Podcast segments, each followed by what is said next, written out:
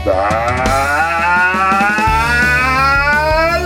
til Jus og Jas! Ny mulighet, ny dag. Og i dag så har vi korona spesial. Og denne episoden den spiller vi inn til ære for Trond Bratland. Og vet du hvem han Trond Bratland er? Trond Bratland, eh, er ikke det da eh, eh, overlegen som eh, skulle ta og sikre seg ei stille og fin avslutning på yrkeskarrieren sin, og tenkte Etter å ha jobba som direktør for helse og omsorg i Tromsø kommune Ja. og blitt dratt i heisen opp og ned gang Mm. på gang og utslitt og bare finne ut at nei, hensyn til familien så må jeg roe ned. ja, ja, Og slutta som direktør. Og hva gjør han da, Gunnar? Han søker og får jobben som smittevernoverlege og tenker at det er jævlig lenge siden svartedauden. Det har vært 800 rolige år, og det skal bli noen par rolige år for meg også, før jeg blir pensjonist. Men den gang ei. Så i januar 2020 begynte han som smittevernoverlege. Mm. Og denne episoden den er til ære for Trond Bratland. We feel you. Vi eh, feel for, for you, for å kanskje være mer eh, presis. Korona opp og korona i, eh, i, i mente og sånt eh, Jeg ble litt svett med tanken, men jeg tenkte at eh, hvorfor ikke gå all in? Korona is all over. Korona is all over. I dag så har vi med oss ho Ragnhild Holst, og hun sitter i departementet. Hun er smittevern, eh, smittevernlovsjef der. Eller sjef, Ja, der. nå skal hun sikkert og- korrigere og hun det. er, etter og, hvert. og hun er fra Tromsø, utdanna ved Det juridiske fakultet. Yes. Og er et eksempel på at det faktisk kan gå bra med studenter som greier å holde ut i fem år her. Det kan hende det kan hende vi får vite at det faktisk at, at vi har en misjon, at det er en hensikt med at de går her. Det kan, eh, det kan også eh, tenkes. Og det kan jo også tenkes at vi eh, får overbevist Ragnhild om at eh, det er på tide å, å komme, komme hjem. Og holde Ja. sånn eh, to tullinger som oss i, i ørene. Tror du hun klarer det? Det vil jo bli ei eh, større utfordring enn å skrive en eh, doktorgrad, så kanskje hun kan ta og begynne med det, og så kan hun begynne med det Urias-prosjektet som vi var først inne på etterpå. Ja, kanskje det. Ja. Men vi, jeg har med meg en sak. Jeg har med meg en EMD-avgjørelse om, om, eh, om vaksinering. Hva er det du har med deg i dag? Eh, siden, uh, siden du tar oss og går til altså, Den hellige gral, altså Strasbourg, som uh, tar oss og gir oss gir oss svaret på om menneskerettighetene eh, overholdes, og vi har fått altså selve indrefileten, spørsmål om vaksine og vaksinering på bordet, så tenkte jeg at jeg skulle ta ting litt ned. Jeg skulle ta dem hjem til våres våre hjemlige trakter. Og jeg var inne og så på Sivilombudsmannen sine uttalelser i eh, saker som angikk koronaen, og ser til min eh, overraskelse da at, at departementene har opptrådt som en barnehageklasse, særlig da i spørsmålet om eh, offentlighet og innsyn i saker som eh, angår eh, koronapandemien. Og her er det en del morsomheter som vi skal se på. Jeg skal avgrense meg til å touche innom tre ferske uttalelser fra eh, Sivilombudsmannen som angår eh, departementenes håndtering av koronapandemien i lys av offentlighetslova sine regler om, om innsyn, særlig er det det går på. Men da hopper vi til Tsjekkia. Og i Tsjekkia så er det jo sånn at altså, For at en sak skal komme til eh, menneskerettsdomstolen, til EMD, så må den jo gjennom den må på en måte gjennom de nasjonale systemene. Det tar på en måte lang tid før den kommer inn der. Sånn at når EMD kom med en avgjørelse her i, i april, april 2021, 8. april 2021, så er det klart at dette kan jo da ikke være en koronavaksinasjonsavgjørelse. Avgjørelsen handler jo da om, om type meslingvaksine og den andre typen vaksine. Og, klart, og Bakgrunnen for de her avgjørelsene det handler jo om at du på en måte er tilbake på 90-tallet, eller hvor, det, hvor, hvor, langt man går tilbake, så er det en eller annen sånn forsker som da lager til falske publikasjoner, som da viser at det er en sammenheng mellom autisme og, og vaksinasjon. og Dermed så, så, oppstår det da en, sånn, en sånn myte om det, mm. og, og, hvor det da oppstår sånn antivaksinasjonsbevegelse, mm. hvor folk sier at her er det på en måte store skader tilknyttet ved, ved vaksine. Men så er det klart at som vi jo nå ser også i forbindelse med koronavaksinen, så ser vi jo det at, at det, er jo, altså det er jo en risiko. Man får jo tilført et eller annet, og det er en risiko.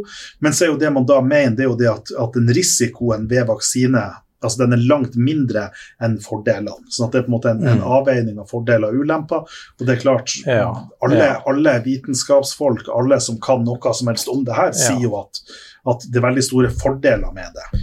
Det er det jo. og Historien har jo vist at, at det er jo slike eh, ganske små, og, men likevel eh, en liten andel bivirkninger. og og altså, vi, vi, trenger jo ikke å grave langt tilbake. altså vi, det, Korona er jo ikke den første. Vi har fugleinfluensaen, svineinfluensaen. Og eh, også i de influensapandemiene så har vi jo hatt eh, da eh, vaksineskader som har, har, har oppstått. Ja. Men sjelden har jo da hva vi si, fokuset vært sterkere enn nå under koronaen. Men det har jo litt med, med koronaens dimensjon Nemlig. å gjøre. Nemlig. Nei, og Det er klart at, det er klart det er litt interessant å se på det man jo gjorde i forbindelse med svineinfluensa i Norge. Det var det at når det oppsto en, en, narkolepsi etter at det, som da var en, en, en bivirkning som ble kjent, etter, altså etter vaksinering, så ble det da innført en sånn regel om motsatt bevisbyrde for, hos Pasientskadenemnda, altså hvor man da sier at, at altså det er på en måte det Pasientskadenemnda som må på en måte bevise at narkolepsien skyldes noe annet, eller at den på en måte har tidligere spor. Dersom man på en måte ikke kan bevise at det er en annen årsak, så blir det lagt til grunn at det skyldes vaksiner. Og Dermed så har man jo veldig god, et godt på en måte system altså hvor man på en måte ivaretar det i økonomisk situasjon til dem som får de her skadene. Men, men, poenget med denne bakgrunnen i forhold, til, i, forhold til, vaksiner er å si at, at Marius Storvik er kjempestor tilhenger av vaksine. Og det er Gunnar Eriksen også. Mm. Eh, sånn at Når vi da går inn i det her, så er ikke det fordi at vi på en måte er motstandere av vaksine. fordi at jeg skal ta den koronavaksina, og jeg tar gjerne den AstraZeneca hvis det er det som er. Det, det, det, jeg, tar, yeah, yeah, yeah. jeg strekker ut armen til det som kommer. Men poenget er at det er noen mennesker som har en annen oppfatning ut av det. Og så blir det spørsmålet hvordan skal vi på en måte som samfunn forholde oss til det? Fordi at Mennesker mm. har jo i utgangspunktet en rett til å bestemme over seg sjøl. De har rett til å bestemme over sin egen kropp. EMK sier ja, ja, ja. At, at, alle har rett til et privatliv. En sentral del av privatlivet er jo på en måte å ikke ha, få kroppen sin mm. eh, altså stukke hull på kroppen sin av en nål. Kan vi ikke bare si at de er dumme og må ta seg sammen, så skjønner de det?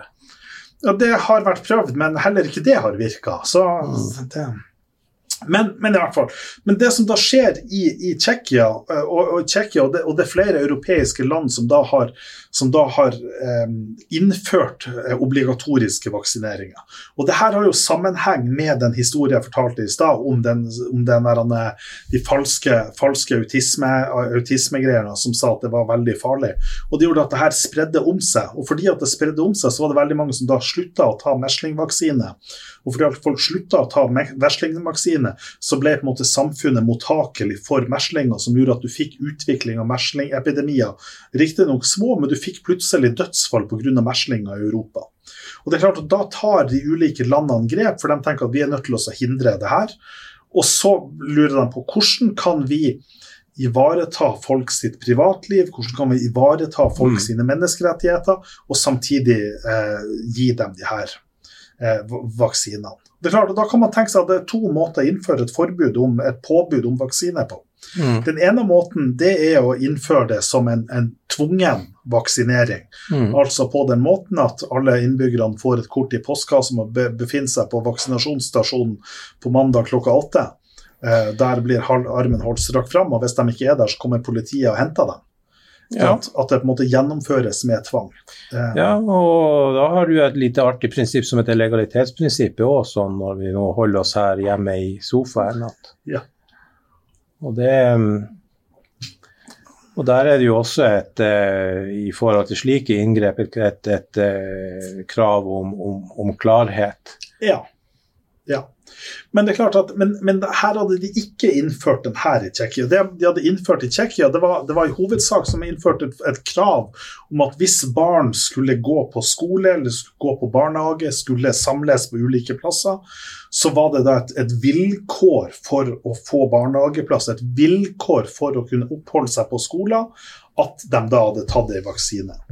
Ehm, og, så, og dermed så, så blir det da hva, hva gjør man i de her situasjonene? Og så var det, no, var det også for noen foreldre som det var for større barn, jeg tror det var på skolebarn, så var det da hadde foreldrene da fått en bot for å ikke ha gitt Mm. vaksine til, til barnet sitt. Ja, da må jeg spørre en liten ting. Eh, eh, det her tar jo også å bringe ekkoer tilbake i eh, de mørke krokene av den eh, norske eh, forvaltningsretten. For eh, det her var jo samme grepet som ble gjort i denne sårsteldommen, Huleboer 2. Han karen som lå og stinka på det sykehjemmet. Og, og da tok det jo Høyesterett og oppstilte da jeg, jeg, jeg brukte den forvaltningsrettslige vilkårslæra Ja, og forsvarte seg bak da at, eh, at her på forvaltningsretten så er, er lovskravet litt mer relativt. Ja og den, den det er rettstiden i 2010, side 612, om Gunnar snakka om her. Ehm, men denne, denne dommen her, den, den er jo ikke gjeldende rett, altså. Mm. For det første så kommer den i 2010, det er fire år før du får det grunnlovfesta legalitetsprinsippet. For det andre så er det en dissensavgjørelse 3-2.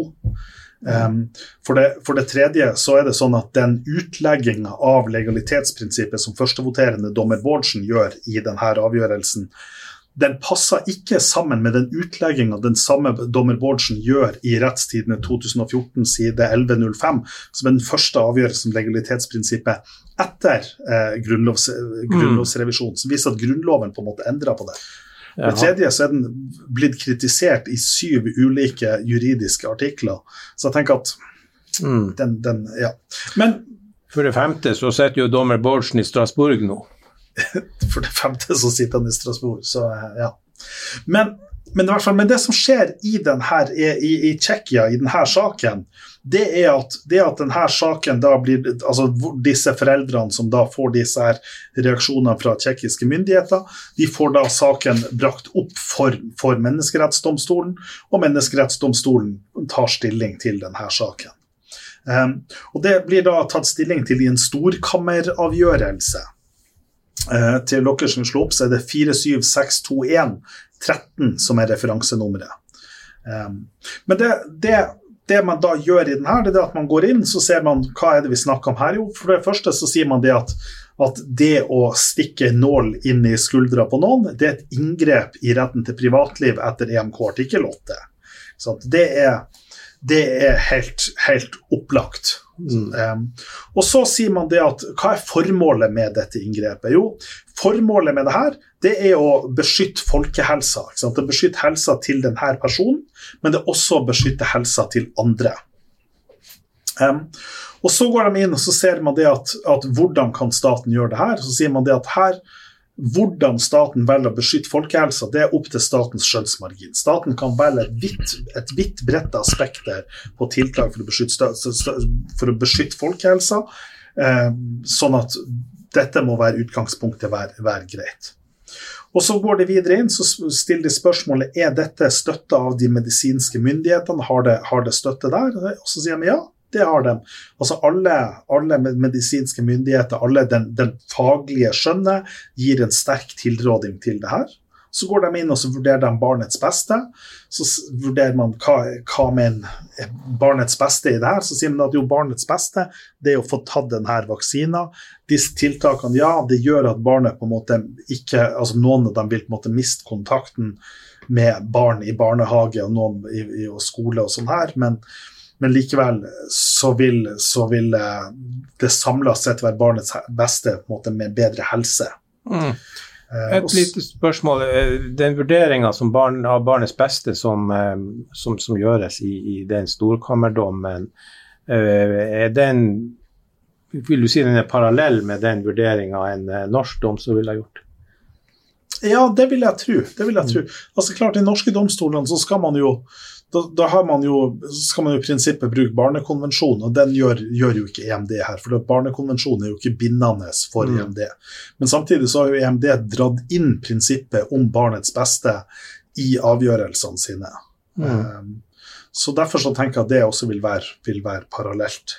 Mm. Um, og, så, og så går man inn og så vurderer man da en forholdsmessighet. Og da vurderer man hva, hva forholdsmessigheten er, og da vurderer man jo hva er, hva er formålet med tiltak og sånn. Og det er en, en av de sentrale tingene i den forholdsmessighetsvurderinga, det man da gjør, det er at man går inn så ser man det at hvorfor gjør vi det her? Gjør man det her tiltaket? Gjør man det for å straffe foreldrene som ikke vaksinerer barna sine? Mm. Og så sier de nei, det gjør de ikke. Dette er ikke et, dette er ikke et straffetiltak. Dette er noe som gjøres for forebygging. Sånn at Man har på en måte ikke en pønal formål, men det er, en- men det er en helsemessig formål. Og så sier man det at fordi at det har et, et forebyggende helse, helsemessig formål, så må man si at ut ifra de spesifikke omstendighetene, så kan ikke dette ses for inngripende. Det er klart at Hvis du hadde vurdert denne forholdsmessighetsvurderinga, dersom man hadde valgt å ha den, at den gjennomføres med en fysisk tvang, så kan man se for seg at denne forholdsmessighetsvurderinga hadde blitt annerledes. Og det, og det holder for så vidt domstolen åpent også. Men, men når man gjør det gjennom disse påleggene, eller, eller som, et, som at man stiller et vilkår, så er det på en måte greit. Og så sier man det at, man det, at det, er et, det, er le, det er et rimelig forhold mellom proporsjonaliteten og de legitime formålene og det lovmessige tiltaket og inngrepet. Eh, og dermed så aksepterer man det. Mm. Mm. Men så, er det en sånn interessant scene avslutningsvis, så kommenterer man, og så sier man det at, at um, um, i, altså I veldig mange andre, når man på en måte vurderer tvungent inngrep, så er den terskelen EMD oppstiller, det er det at det er et sånn minste inngrepsprinsipp, så spør man Mm. det at kunne man oppnå dette på en mindre inngripende måte. Og Det presiseres at det gjør man ikke her. Altså man, Her stiller man ikke opp det minste inngrepsprinsipp. Det man gjør her, det er at man går inn og så vurderer man dette spesifikke tiltak, så vurderer man balansen i forhold til dette spesifikke tiltaket. Mm. Sånn at EMD er på en måte tydelig, altså implisitt ser er man tydelig på det at man kunne nok ha oppnådd dette med mindre inngripende tiltak. Mm. Eh, men her har staten en såpass vis skjønnsmargin at det må staten få lov til å gjøre. Sånn at Konsekvensen av den vide skjønnsmarginen er at staten må få lov til å ta, en avgjørelse som EMD eh, kanskje syns er uklok. Altså Det skinner litt gjennom at det ikke, ikke alle sammen er enig i at dette er en fornuftig måte å gjøre det på. Men man sier her er det staten som, som har handa på roret. Mm. Og Det er klart at det, det er litt sånn interessant, for at eh, Nasjonal institusjon for menneskerettigheter de kom også med en avgjørelse, ikke med en avgjørelse, men de kom med en rapport her i mars, sånn rett før denne avgjørelsen. Og Da, og da peker de på noen av de samme eh, skillelinjene som, som blir dratt opp. Og Poenget med det her det er jo det at når vi nå i Norge går gjennom det vaksinasjonsspørsmålet, så er det her med å klargjøre hvilket rom er det myndighetene har i forhold til vaksinasjon. For det er klart at Man må på en måte over på en viss prosent vaksinerte for å oppnå det som kalles flokkimmunitet. Eh, Og Da det, har man fått det her klare signalet fra EMD om at, om at, det, at man har anledning til å gjøre det. Mm. Altså Norge, Norske myndigheter kan gjøre det. Man har en rettslig adgang til det. Og så er det spørsmål hva som er klokt. Hvilket virkemiddel, hvilke tiltak er det man bør iverksette. Ja. Ja. Men eh, det kan jo høres litt voldsomt ut, men eh, det, det må jo bli likevel en individuell vurdering i, i det, det enkelte tilfellet, hvis det er noen som, som hva vi si, har eh, helt individuelle eh, omstendigheter som gjør at ikke eh, det er tilrådelig å følge dette pålegget. Så, Ja.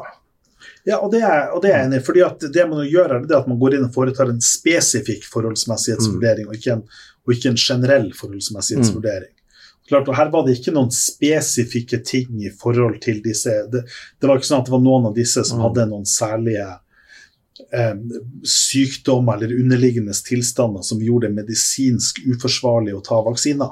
Mm. Klart, Dersom det hadde, det hadde eksistert noe sånt, Mm. så ville denne forholdsmessighetsvurderinga den ville ha slått annerledes ut, vil jeg tro. Ja da, det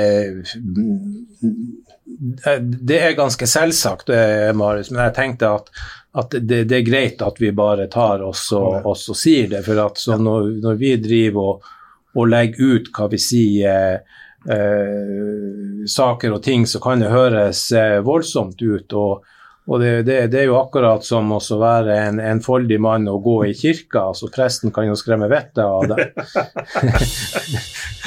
oh ja, da har du ikke møtt Kjersti Marie Legdene. Akkurat. Ja, altså, poenget mitt var det at jeg tror ikke hun ville ha klart å skremt vettet ut av noen. Nei. Ja. Men eh, ja, skal vi hoppe over til eh, Sivilombudsmannen?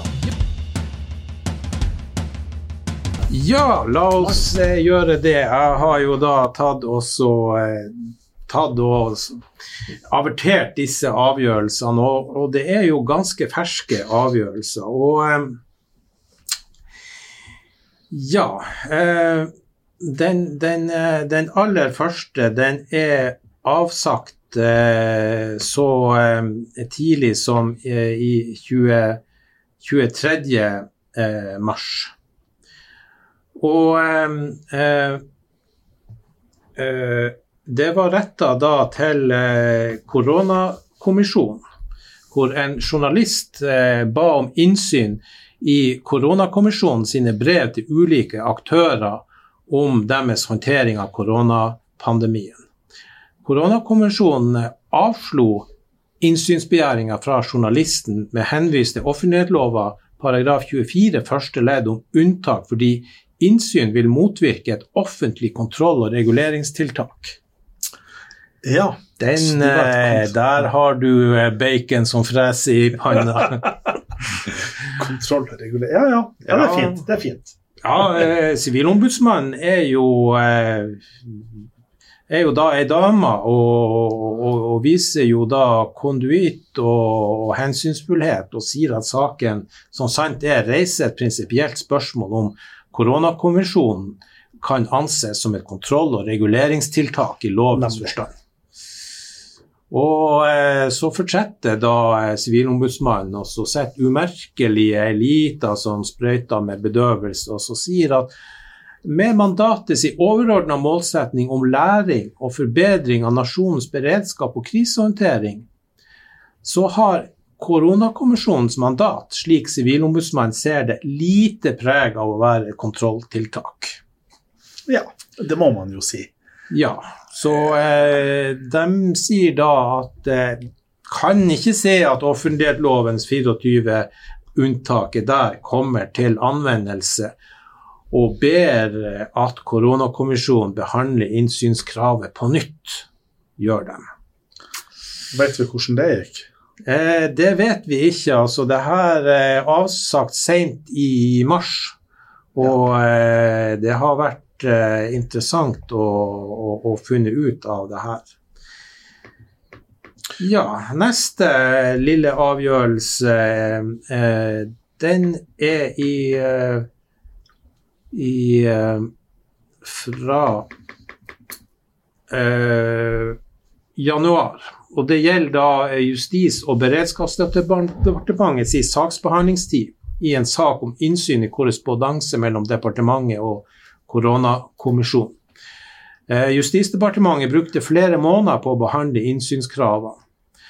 Og eh, den lange saksbehandlingstida tok eh, departementet og begrunna i den store arbeidsmengden som følge av covid-19-epidemien, og at innsynskravene var omfattende. Det var mange dokumenter. Ombudsmannen tar igjen og prøver å være pedagog og sier at han har forståelse for at den ekstraordinære arbeidsbelastninga Og forståelse. ja.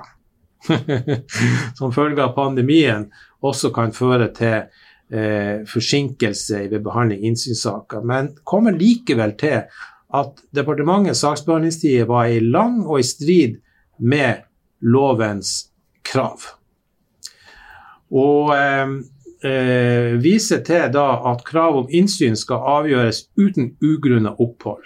Og så til slutt så kommer det en, eh, en liten klaps på rumpa Nemlig, det sies det er ikke gjort endringer i offentliglova som følge av pandemien. Så det eh, kommer å, å, å syte fra departementshold, den går ikke. Ja, skal vi se Kan vi ta en siste liten, og også fra januar. Um, her, eh, hvem er det som er på grillen her? Jo, det er Helse- og omsorgsdepartementet. Igjen så gjelder det saksbehandlingstid i sak om innsyn og korrespondanse mellom departementet og koronakonvensjonen. Departementet brukte flere måneder på å behandle innsynskravene, og eh, ga en begrunnelse for avslag at innsynskravene gjaldt flere hundre dokumenter, og at den lange saksbehandlingstida var også begrunna i den store arbeidsmengden som følge av covid-19. Og eh, det som eh, da skjer her, eh, er at Sivilombudsmannen kommer med en nøyaktig kopi av begrunnelsen i den andre saken. Ja. Den er helt identisk og avsluttes med med det sardoniske 'det er ikke gjort endringer i offentliglova som følge av pandemien'. Men det er, jo, det er jo vakkert. Da kan man bare bruke mm. begrunnelsen flere ganger. Det, det, det er det. Ja. Og eh, altså eh, Du får to avgjørelser og, og, eh, på innsyn, og skal vi se, de er behandla samme dagen. Ja. Og da er det liksom artige rettskildemessige poenget her det er at eh, Sivilombudsmannen tar og lager et slags prejudikat. Ah. For de er bundet av sin eh, avgjørelse i den første saken. Nemlig. Og gjenbruker da eh, begrunnelsen fullstendig fordi at saksforholdet er fullstendig likt. Noe som du da i høyesterettsprejudikater så å si aldri ser. Ja. Interessant. Ja, det, okay. det er litt artig. Mer sånn fun fact. Vi har mer moro eh, fra departementene, men, eh, vi må eh, ta og innskrenke oss. Og så er det jo interessant å høre hva noen som jobber i departementene ja. har, å, har, å, si til arbeidsmengden under pandemien. Ja. Det, det, det skal jeg må bare, mens, mens Ragnhild slår på lyden her, så, bare kommenter at altså for det første så, så det er vel Sivilombudsmannen holder vel på å bytte navn til Sivilombudet, hvis jeg husker det rett? Ja, det er jo, eh, det er jo noe eh, at man, at man, endelig får, får bort de her patriarkalske betegnelsene. Ja, ja. Statsforvalteren har jo allerede skifta ham fra å være fylkesmann og eh, og denne sysselmannen, som, hvor jo har vært vel flere kvinner som har vært sysselmenn enn en, en, en, en menn, nesten, eh, skal vel bli sysselmester. Sysselmester, ja, sånn var det. Ja. Sånn var det. Så det passer jo eh, bra når vår ja. gamle venn Lars Fause tar eh, turen eh, opp i isødet på nytt. Ja. Jeg tenker på um tenk også på det med innsynssakene. For jeg, hver, jeg, abonnerer på nyhetsbrevet fra regjeringa hvor jeg mm. systematisk går gjennom alle, alle, statsrådsprotokollene. Det gjør jeg hver eneste uke. Og, og, stort sett så kommer du liksom på sak seks, så kommer det noen som har bedt regjeringa om innsyn i en eller annen sak. Mm. Og konsekvent så avslås dette, denne innsynsbegjæringa. Mm. Og det, det, jeg, har ikke altså jeg har jeg bare lagt merke til mønsteret. Jeg har ikke gått inn og på en måte systematisk undersøkt, men, men det synes som og Nå har jeg gjort det her i et, et års tid, og det, og det, eller over et år.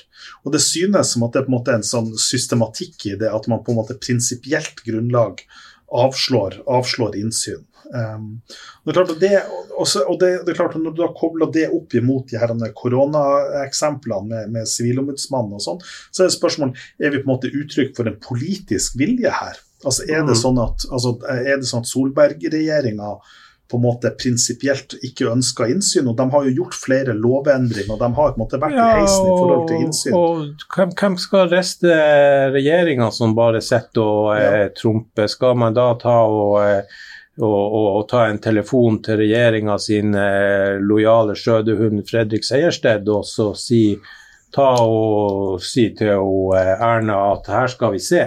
Ja. Og da sier han voff, voff, voff og biter hardt og lenge. Ja, ja. Han eh, har jo stramma opp eh, noen professorer i Oslo, Eriksen og Ikdal, på, på, på det her med regjeringa sin plikt å, å, legge fram ting. Ja, ja. Nei, og de har jo, og, eh, Eriksen og Ikdal de har jo også bedt om innsyn hos departementet og fått Mm. avslag på det. Mm. Og de har jo også på en måte prinsipielt eh, altså, kritisert det. Mm. Og det her har skjedd, det her har skjedd etter den kritikken hans. For hans kritikk av dem det var jo for et års tid siden. Ikke sant? Og etterkant av det så, så er det på en måte nye innsynskamper. Så det er litt sånn er det, et, er det et politisk spørsmål? Er det et, og det jeg lurer på hva er hvordan er detaljreguleringa i departementene? Altså det, Ja, vi kan konstatere at uh, vi, uh, vi har konspirasjonsteorier om det her. Vi Ja. lager en lokalavdeling av QAnon hvor vi, eh, hvor vi konkluderer at eh, departementene må brennes og eh, alle som jobber der må interneres. du, Gunnar, nå tror jeg vi skal slippe til Ragnhild her. Ah, ja, ja, og, Ragnhild Holst, velkommen. Tusen takk. Nå- er det jo sånn at, er det jo sånn at altså Jeg kjenner jo Ragnhild fra før. Vi studerte jo Mm. sammen. og Vi har vært, vi har vært og, på Island og prosedert i menneskerettigheter sammen. og så, Mm. så jeg har liksom eh, jeg kjenner Ragnhild. Og så er jo utfordringa nå det er jo det at du jobber jo Ragnhild i departementet. og um, og- Oi. Ja. så, så hvordan skal vi liksom roe oss unna det her? Nei, eh, vi, vi må jo bare minne om at podkasten heter, heter Juss og Joss, og vi eh, bruker å ha litt uhøytidelig skråblikk eh, på ting. og eh, og eh, innerst inne så eh, har vi stor tillit til sentraladministrasjonen og sikker på at departementene gjør sin aller beste jobb i de aller fleste tilfeller og sånt. Og, og eh, når det gjelder Sivilombudsmannen, altså de har ei egen vaktbikkje som passer på hver minste ting. Har vi hatt et ombud som hadde passa på den galskapen vi har holdt på med, så, så tror jeg Juss og vi Joss-ombudet. Juss og Joss-ombudet, så tror jeg at det, det, det har vært nok til oss å eh, sende oss eh, i eksil som en Ja, slags to Napoleoner. Er. Vi har blitt deportert til Bjørnøya for å hogge tømmer. Jeg må, jeg må i, i um, årsskiftet, romjula 2019-2020, da traff jeg og Ragnhild sist, og da spør jeg ja, Ragnhild, hvor du, hvor du er hen i verden, hva du gjør for noe og sånn her. Og så satt vi liksom og prata, og Ragnhild hun forteller at ja da, hun jobba i departementet og jobba på liksom en sånn stille og rolig avdeling, hadde ansvaret for smittevernloven. Mm, mm. Og så tenkte jeg og sa til Ragnhild, stakkars deg, liksom. Ønska du deg ikke liksom en jobb med litt mer høy, og hardt, høy og hardt futt, futt, futt og fart, liksom, og sånn Mm. her. Eh, Men hun, hun visste hva hun gjorde. Ja, rolige dager, småbarnsmor og fleksitid og eh, Ja. stort sett bare noen eh, saker som ligger og støver. Så Ragnhild, hvordan, hvordan har det siste året vært? Ja, det har jo ikke vært eh, eh, sånn som det du nå sa, Gunnar. Det må vi jo sette to streker under med en gang. Nei, det har jo vært eh, eh, jobbing både sent og tidlig. Og så når man da endelig karrer seg hjem, så skrur man jo på og ser de samme folkene eh, på TV og radio, ikke sant. Så det er jo Det har jo vært eh, helt eh, fabelaktig vil jeg jo si da, fabelaktig spennende. Altså. Det har jo vært en eh, forferdelig situasjon for oss alle. Ja. Ja. Men, men, men hvor lenge har du jobba med smittevernloven? Ja, jeg begynte her eh, i eh, eh, Helse- og omsorgsdepartementet i eh, eh, 2016, eh, august 2016. Ja. Um, og da begynte jeg i folkehelseavdelinga. Um, og da kom jeg fra ei stilling som eh, jurist på Folkehelseinstituttet. Og da begynte jeg å jobbe med eh, smittevern og eh, smittevernloven og smittevernregistrene, da, sånn i all hovedsak. Ja. Ja. Og da var det i begynnelsen så var det en stille, rolig jobb. Ja, det Ja. var det jo absolutt. Eh, altså det er, jo, det er jo et arbeid som er eh, altså vanligvis et sånt langsiktig arbeid, det som er, man har i departementene sånn stort sett, selv om man jo også sier det at man har eh, høyt tempo. fordi det, det handler jo om det der med at uh, man får mediehenvendelser, må kaste seg rundt og skrive talepunkter til politisk ledelse og sånne ting. Men det eh, var ikke sånn utprega kanskje det som eh, var eh, vår hverdag før, før i tida. da. For, for Litt ut av de tingene som jeg vil snakke med deg om, og sånn her, det er liksom at sant, her sitter jo vi på universitetet, og vi sitter på, på de hyggelige kontorene våre med beina på, på bordet, og vi slapper av, og vi sitter og skriver litt på datamaskinen vår, så vi slapper av, og vi forfølger våre, egne interesser, og så sier noen at vi må ut og undervise i noe, og så går vi ut og underviser, og så går vi tilbake på kontorene våre og sånn. Så tenker jeg liksom at jeg lurer på hvordan er det liksom i den virkelige liv? Jeg tenker at her har, vi, her har du liksom fått, fått prøvd det. Så tenker jeg, hva er det dere egentlig gjør i departementet? er liksom det første. Det, vil du oppklare noen Ja. fordommer hos meg? Eller Ja, hos Gunnar, siden Gunnar ja, har flest. Ja, ja, ja. ja. Kan du ikke komme med noen av de fordommene da, Gunnar, først? Det du sa i sted var jo selvfølgelig det trege liv, og det bekrefter jeg jo langt Ja, på vei. så- ja jeg, jeg, det har jo egentlig gjort meg, gjort meg ferdig med, med, med mye av fordommene, slik at eh, det kanskje jeg er litt mer eh, interessert å, å, å vite, det er når kan vi si eh, politisk eh, ledelse tar og uttaler seg sånn som han eh, sånn som han eh, Bent Høie. Eh, hvor mye arbeid eh, ligger det bak fra, fra, fra deg og avdelinga der?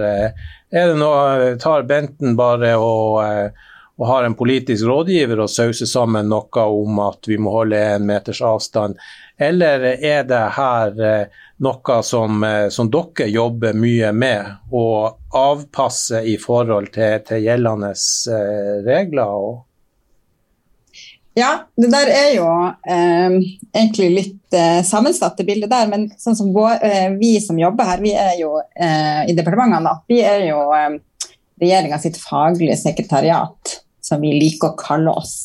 Så vi skal jo da bistå med eh, faglige, ja, faglige vurderinger, kan du si. Sånn som da jeg som jurist må jo da gjøre faglige vurderinger på bakgrunn av mitt fag. Og så er det jo andre typer fagfolk som jobber her, og som gir sine vurderinger, sånn som f.eks. Eh, andre folk som har stått høyt i kurs, har jo vært smittevernlegen, da, som vi har her. Eh, men så er det jo også det med at vi har jo eh, andre fagmiljøer å trekke på, sånn som nå Helsedirektoratet og Folkehelseinstituttet, som eh, jo har fått en kjempeviktig eh, rolle i denne, i denne situasjonen. Mm. Så Ja. det er jo det da, når det oppstår saker, så må man jo utrede i den grad man har muligheten til det. Og så har det jo selvfølgelig vært eh, eh, kjempetravelt og Mm. åpenbart da begrensa muligheter for å eh, utrede sammenlignet med hvordan vi jobber til vanlig. Flott. Det var jo ei, ei lett oppvarming. Men eh, la oss eh, ta og eh, øke innsatsen litt. Kan du ta og si noe om din rolle i hytteforbudet? Var det du som skrev hytteforbudet? ja, nei, vet hva, jeg jobber faktisk ikke med hytteforbudet, så jeg kan faktisk ikke gi dere noe snacks om hytteforbudet. Mm. Eh, men, eh, men det er jo det med at eh, når man liksom hele tida vi har jo stått i en helt ny situasjon, det har jo vi alle sammen gjort. Og det som har vært spesielt for oss som har vært her, da, det har jo vært at vi har eh, måttet da klare å eh, ut, liksom utrede, eller finne ut av hvordan man kan eh, regulere de her situasjonene, da, eller hvordan, om man kan løse det via uh, regelverk, eller om man kan løse de her um, uh, problemene på andre måter. Sånn som på smittevern så har det jo vanligvis tradisjonelt sett vært gitt bare anbefalinger. Vi har ikke veldig mye strenge regler sånn vanligvis utover kanskje tuber tuberkulosekontroll, ikke sant. Men det er jo en sånn Mm. smittsom sykdom som er liksom gått helt av moten. Så. Du, du, eh, ja. du, du sier anbefaling. Jeg, jeg, har, jeg, har ei, jeg har ei liste med spørsmål. Vi har fått spørsmål Ja. fra en leser Nei, ikke leser, faktisk. Eh, Fra en, lytter. fra en lytter, som det heter. Lytter. Fast. Spørsmålet er hva er egentlig forskjellen på anbefaling, forskrift, midlertidige lover, retningslinjer, restriksjoner, skoleveileder, tiltak, lokale tiltak og avgrensninger? Em, så, så jeg bare hørte du sa liksom anbefaling, så hva i all verden er en anbefaling, Ragnhild? ja, men dere er jo veldig skolerte jurister, så dere skjønner jo det at er anbefaling. Det er jo ikke, det har, den har jo ikke noen plass i regelverket. Ikke sant? Det er jo bare en sånn myk sånn tilskyndelse. Mm. Vask hendene dine. Vi har jo de anbefalingene her nå. Vask hendene, ikke sant. Ja. Eh, hold avstand. ja. Så, så anbefaling, sånn at når det da i påska nå var anbefalt å ikke ha mer enn to gjester på besøk, så var det sånn at for oss som da bodde i Tromsø og feira påske her og ikke hadde hatt kontakt med noen søringer tida før, så tenkte jeg som så at nei, vet du hva, den anbefalinga der den fungerer nok fint i, i Oslo, mens hvem, hvor mange jeg har på besøk av hytta mi, det er det ikke noen andre som har noe med. Ja, og da er jo forskjellen på det som står det som gitt som anbefaling, og det som står i forskrift, er jo f.eks. at det er straffesanksjonert. Ja. Så, så sånn som hos oss her i Oslo, så har jo vi bare inntil hva det var i går eller dagen før, hadde lov til å ha besøk av to stykker. Og hvis vi hadde besøk av flere, så var jo det straffbart. Nemlig. nemlig. Mm. Mens, mens her oppe i nord så det ikke, har det jo ikke vært noen sånn der på ganske lenge. Mm, ikke sant? usikker. Og det er jo pga. smittesituasjonen at det er den som er Nemlig. eh, styrende, så at dere har det så rent og fint oppe hos dere. Ja. Mm. Savner du oss? Mm. Vi kan Ja, ta neste spørsmål. Hva er midlertidig lov for noe? Midlertidig lov det er jo en lov som, eh, som blir oppheva. Dere kjenner jo til det her med solnedgangsbestemmelser. Sånne som går ut av tida av seg sjøl. Mm. Jeg tror ikke Men det jeg som også er Ja? Nei, jeg syns det, var et- det var et begrep som jeg ikke har kjente til. Å ja. Jeg synes Er, det er et godt begrep. er, ikke er du ikke familiær med det begrepet? Nei. Nei. Nei. Nei, det, går jo, det går jo ned. Når sola går ned, så går bestemmelsen ned. Sånn type. Sånn, altså midlertidig lovbestemmelse. At det Mm. bare Altså, Men for, mm, for eksempel en bestemmelse om korona, og plutselig så er alle vaksinert, og alt er bare rettshistorie og sånn her, så ja. Ja, altså Eller det er vel det at man Gunnar, for du virker litt som at du hadde hørt om det her før, men jeg Ja. innbiller meg at det, at det da står liksom en bestemmelse i, Ja. i loven at den her gjelder bare til 1. juli, og derfor, da er den oppheva. ja. Ja, det, du kan ha slike skarpe avgrensninger av rekkevidden, eh, eh, levetida til en bestemmelse, til en bestemt dato, eller til at en bestemt tilstand opphører. Ja. Og typisk er jo det her med, med pandemien og sånt. og eh, eh, Det er jo ikke bare hva vi sier, de her tiltakene vi snakker om, men vi har jo f.eks. også eh, på konkursrettsområdet så har vi en, en regel om omdannelse av gjeld til egenkapital, eh, som er en midlertidig lov så lenge pandemien varer. Ja. Interessant. Da eh, har vi fått oppklart det. Retningslinje. Hva er retningslinje? Retningslinje. Hva er forskjellen på retningslinje og anbefaling? Det er vel sikkert det samme. Nå kommer jeg faktisk ikke på noen retningslinjer sånn i farta, Mm. men uh, du har vel ah, nå Selvfølgelig burde jeg jo sikkert hatt tusen eksempler, men nå sto det jo veldig stille, da. Men jeg bare tenker på det her med eh, Man gir jo altså, Det er jo vel bare en sånn Det er vel bare en anbefaling, ja. Ja, det, er det, jeg det er det jeg tenker at det er. Mm. Ja, for at eh, Ja. Ja, retningslinjer kan nok være av, av, av litt forskjellig karakter.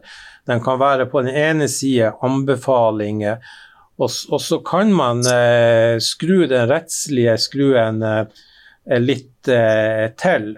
At man eh, tar og så, og så gir retningslinjer til hvordan altså en forskriftsbestemmelse skal eh, Ja. forstås. Ja, jeg er enig. Nå kom jeg på eksempel. Nå har jeg et konkret eksempel. Vi har jo faglige retningslinjer for hvordan eh, vaksinasjon, vaksinasjon skal tilbys. Eh, og da er det sånn at eh, dere vet jo hvem som blir prioritert. Dere kjenner jo selvfølgelig til hvem som blir prioritert først og sånn. Ja, Jeg er jo litt sånn bekymra for det der. Mm. Jeg, tenkte, jeg er litt bekymra for det der. Jeg tenkte jeg skulle ta det opp Mm. senere. Mm. Ja. Jeg, jeg, jeg kan faktisk ta det opp med en gang. Altså. Fordi at det er jo sånn at Vaksinasjonen skal jo da gå fra dem liksom, fra et eller annet ned til dem som er 45. Og så har du da den neste gruppa, dem som da er 44 til 18.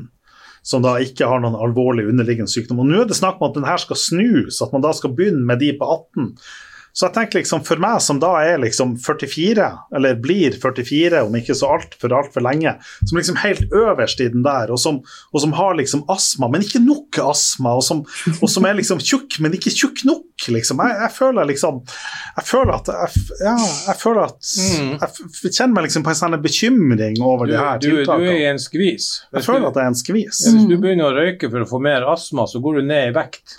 Ja, kanskje, ja, ja, ikke sant?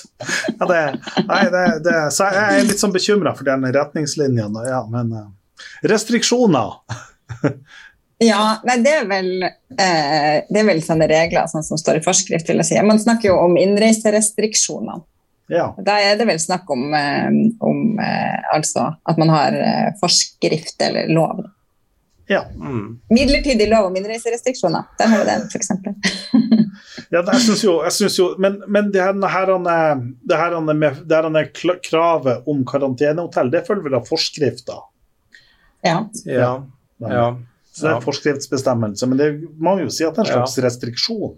Ja, det Ja. der kan du jo ta og på en måte ta og, og, og, og, dele litt i, i, to. Altså eh, å på, pålegge ei, handling eller å pålegge at man unnlater å, å, å gjøre noe. Sånn at man eh, ikke tar imot eh, besøk på så og så mange. Det er en unnlatelse. Men også pålegge noen å flytte inn på et karan- karantenehotell. Altså det, det blir litt sånn eh, annerledes når du, eh, når du ser på den inngripende eh, karakteren, men i begrepet restriksjon så ligger det jo eh, helt klart at, at det her er en, en, en innskrenking i eh, eh, borgerens frihet, som vil Ja. kreve en hjemmel. Skoleveileder. ja. ja det, det er jo det at det er jo gitt ut eh, mange veiledere i eh, Men er det Kunnskapsdepartementet som lager en skoleveileder, eller er det du som skriver han? Nei, det er Utdanningsdirektoratet. Det er Utdanningsdirektoratet, det, ja. Ja, det er på veldig mange altså Det som jo har vært behovet, det er jo at, det vel, at de fleste samfunnsområder har hatt behov for veiledning for hva slags, eh, hva slags smitteverntiltak de bør ha. Så Ja. da er jo det et utslag av det. Eh, hva er forskjellen på tiltak og lokale tiltak? Ja, eh, det er jo eh, Da vil jeg egentlig si nasjonale tiltak og lokale tiltak. Eh, for du har jo, Det er jo en sånn spennende eh, sak i smittevernloven at du har kommunen som såkalt primærsubjekt. Det vil si at I utgangspunktet så er det sånn at kommunen skal sette i verk tiltak lokalt. Og håndtere smittevernet lokalt. Da lurer jeg på hva du tenker om Søring-karantene? Ja, jeg ble jo egentlig litt sånn vondbråten, liksom. At jeg måtte egentlig i Søring-karantene hvis jeg skulle til, til Tromsø. Liksom At noen kunne bruke smittevernloven mot meg på den måten, det hadde jeg ikke tenkt.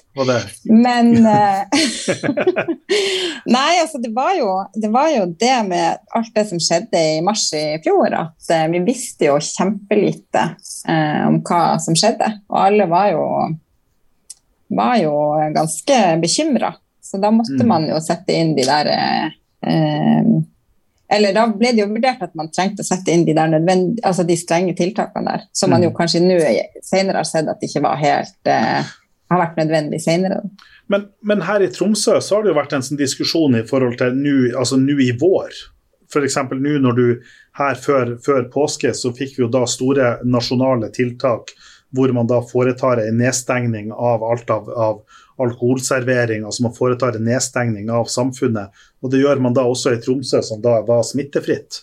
Og det, da, Mm. og det er da på en måte spørsmålet herfra blir at men vil det ikke være et mye mindre inngripende tiltak å på en måte innføre søringkarantene, sånn at man målretta treffer de som på en Mm. måte kommer til det, så kan du på en måte unngå å ramme hele, hele samfunnet. Um, har, du, har du noen tanker rundt det?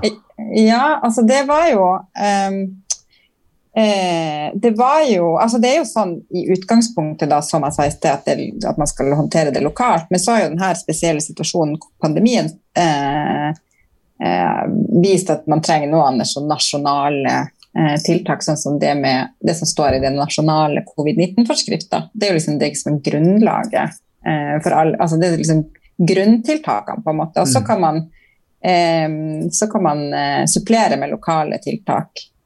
Og da har du det sånn at um, Og da har du sånn at du kan gjøre det strengere lokalt, men du kan ikke gjøre det le, altså lempeligere lokalt. Og, og det er jo og, ja, og det som da skjedde før påske, det var jo at man var så bekymra. For da var det jo sånn enorm smitte, smitteøkning at man var bekymra for at alle skulle dra på eh, påskeferie, og at det ville bety at eh, det kom til å også bli masse smitte, da, f.eks. i Tromsø. Mm. Det hadde jo ikke vært noe bra. Nei, det klart, men det er klart at det er da, det er jo da spørsmålet i forhold til forholdsmessighetsvurderinga av å la Tromsø innføre søringkarantene Mm. kontra å stenge ned Tromsø. Så tenker jeg, I min, i min verden, så, eller og til dem jeg kjenner utelivet i Tromsø, så sier de det at mye bedre med søringkarantene enn det. Men er Ja, det da men det er jo helt eh, forståelig. men i hvilken grad er det liksom en politisk vurdering, i hvilken grad er det en juridisk vurdering, tenker du? I din, den avveininga? Nei, det er jo både faglig og eh, Altså både liksom en faglig vurdering og eh, en vurdering som man må se på om man har hjemmel til i smittevernloven. Og så er det jo også det med at eh, om det er eh, til syvende og sist er nødvendig. Altså den der som det, som det I de grunnleggende krav, eh, kravene som man må vurdere for å kunne iverksette smitteverntiltak, så skal det være tjenlig etter en helhetsvurdering. og Da betyr det jo at man må ikke bare se på hva slags, eh, hva slags smitte, altså smittevernhensyn man skal legge vekt på, men også hva det vil ha å si for hele, eh, for hele samfunnet. Men Ragnhild, hvordan, hvordan er, har arbeidshverdagen endra seg? Du går ifra liksom, ha en rolig, rolig dag i departementet og jobbe med smittevernloven, og plutselig så drar du en Trond Bratland, og hvor liksom bare korona skyller innover deg og sånn her. Og hva, hvordan har livet forandra seg? Eh, ja, altså det er jo eh, Det har jo vært eh, bare så mye jobb. Det, altså, det var jo det der med at eh, eh, plutselig så eh, stengte jo Norge ned. Jeg ble faktisk også satt i innreisekarantene og rett på hjemmekontor. Eh, så eh, det var jo bare eh, en helt eh, Alt endra seg jo fra den ene Ja. dagen til den andre. Det gjorde det sånn som det gjorde for oss alle. Eh, og nå er det jo nesten litt vanskelig å eh, huske tilbake hvordan ting var før. Jeg vet ikke om det er sånn for dere også? Jo, det er jo det. det, Mm. det, det kommer, jeg, jeg husker så vidt fest. Jeg husker Ja. sosialt lag så vidt. Kunne Mm. gi folk en klem. Mm. Utenkelig, utenkelig. Er det. Men så husker jeg også arbeidshverdagen. sant? Mm. Det å ha studenter inne på kontoret sitt. Det, Ja. var, det, var, det, var, det var På en annen side, eh, jeg har ikke vært forkjølt siden mars i fjor. Det er sant. Det er sant, ja. Men, men hva, er, hva er forholdet mellom politikk og eh, politikk og juss og departement? Altså Nå har vi liksom sittet der litt i grillen her på liksom alle denne spørsmålene. Og så tenker jeg liksom, vi, det, det, det er kanskje ikke du som tar alle de her avgjørelsene, er det vel? Nei, takk og pris. Altså, det, er jo, eh, det er jo den her politiske ledelsen, regjeringa, som har uh, jobba dag og natt siden, eh, siden mars i fjor, som eh, henge i altså henge i strappa og, eh, og løse og prøve å finne de beste løsningene. eh, og det er jo det der med å virkelig kjenne på alvoret med å eh, med at eh, man får bidra da, til at eh, eh, de riktige Eller hvordan skal man si det? Til å opplyse og utrede saker som man Ja. jo ikke har eh, erfaring med tidligere. Ja. Det, er jo, det er jo ikke mange man kan uh, se til å kopiere, og det er ikke mye man kan uh, uh, man kan liksom det, det er ikke mye fasitsvar ute og går, så det er jo det, er jo det med å hele tida ha i bakhodet at situasjonen er uklar, usikker. Men, men, men jeg vil jo Ja. Men jeg tenkte det må ha vært en voldsomt sånn læring. altså Vanligvis, når, hvis jeg sitter og mm. skriver et eller annet, så sitter jeg og skriver det, og så tenker jeg, og så har jeg på en måte bruker jeg tida, så sender jeg det fra meg, og så får jeg noen kollegaer til å lese gjennom det, og så putter jeg det i skuffa i litt tid, og så plukker jeg det opp igjen. og så det er klart, det er en sånn rolig arbeids, altså arbeidsprosess, liksom, hvor jeg Og så tenker jeg at for deres del så har dere kanskje hatt en sånn der prosess, dere også, men nå plutselig er det sånn at ja, du, må en avgjørelse tas. Nå må dere bare ja, the shit hits the fan. Dere må på en måte bare, bare gjøre ting. Og så sitter politisk ledelse der og tenker ja, nå må vi gjøre noe, vi må ta en beslutning. Vi må, og så gjør man det ut ifra et, et, sterkest mulig, men altfor svakt kunnskapsgrunnlag. Um, jeg tenker jeg, jeg, har, jeg, si, har, jeg, har, stor respekt for den jobben som er blitt gjort. Altså. Og så er vi jo spent på den evalueringa, hva er det man kan lære for å liksom, komme videre for å, liksom, i, i, i, neste runde. Og så tenker jeg, men For dere som jobber i det her, så tenker jeg det at det må ha vært en voldsom personlig utvikling. Ja, ja. ja det har det vært. Altså. Det, har jo, eh, det har jo vært eh, utfordringer eh, som Altså, altså hvis, hvis, noen hadde altså Det er jo liksom helt enorme ting som man skulle som har fått eh, mye kortere tid på å gjøre enn man ellers ville ha hatt. ikke sant? Vanligvis så jobber vi jo med fast prosess, og vi har høring, og vi har ikke sant, alt. Og nå skulle jo alt være klart på mye kortere tid, da, ikke sant. Så eh, ja. Det er jo eh, eh, klart at det er eh, absolutt helt annerledes. Ja, og eh, jeg er litt enig med han Marius der når vi nå tar og begynner å lufte og gå litt ut av de oppblåste egoene våre, så må jeg og Marius bare innse at vi har egentlig vært ganske så forskåna fra virkningen av pandemien. Vi har hatt litt sånn eh, digitale undervisning og sånt, og, men altså Vi har jo ikke hatt det trøkket som hva vi sier, de menneskene som, som har stått, stått, i frontlinja, og, og, kanskje de som har stått rett bak dem. Sånn som alle dere som eh, har med dette som eh, i hver eneste arbeidshverdag, hvor den ene dagen kanskje ikke er, er lik den andre, og må til stadighet ta og takle nye utfordringer og ta også eh, og jobbe for, eh, for nasjonens beste og eh, finne veien ut av denne pandemien. Så eh, jeg syns egentlig bare at du og jeg, Marius, vi skal si eh, tusen takk til eh, Ragnhild. Både for at hun har eh, stilt opp og eh, latt seg grille av to middelaldrende menn som har stilt spisse og kanskje småfrekke spørsmål, men også for den jobben som hun gjør hver eneste dag. Takk, Ragnhild. Takk for oss, og vær snill med hverandre. Over og ut fra Juss og Joss.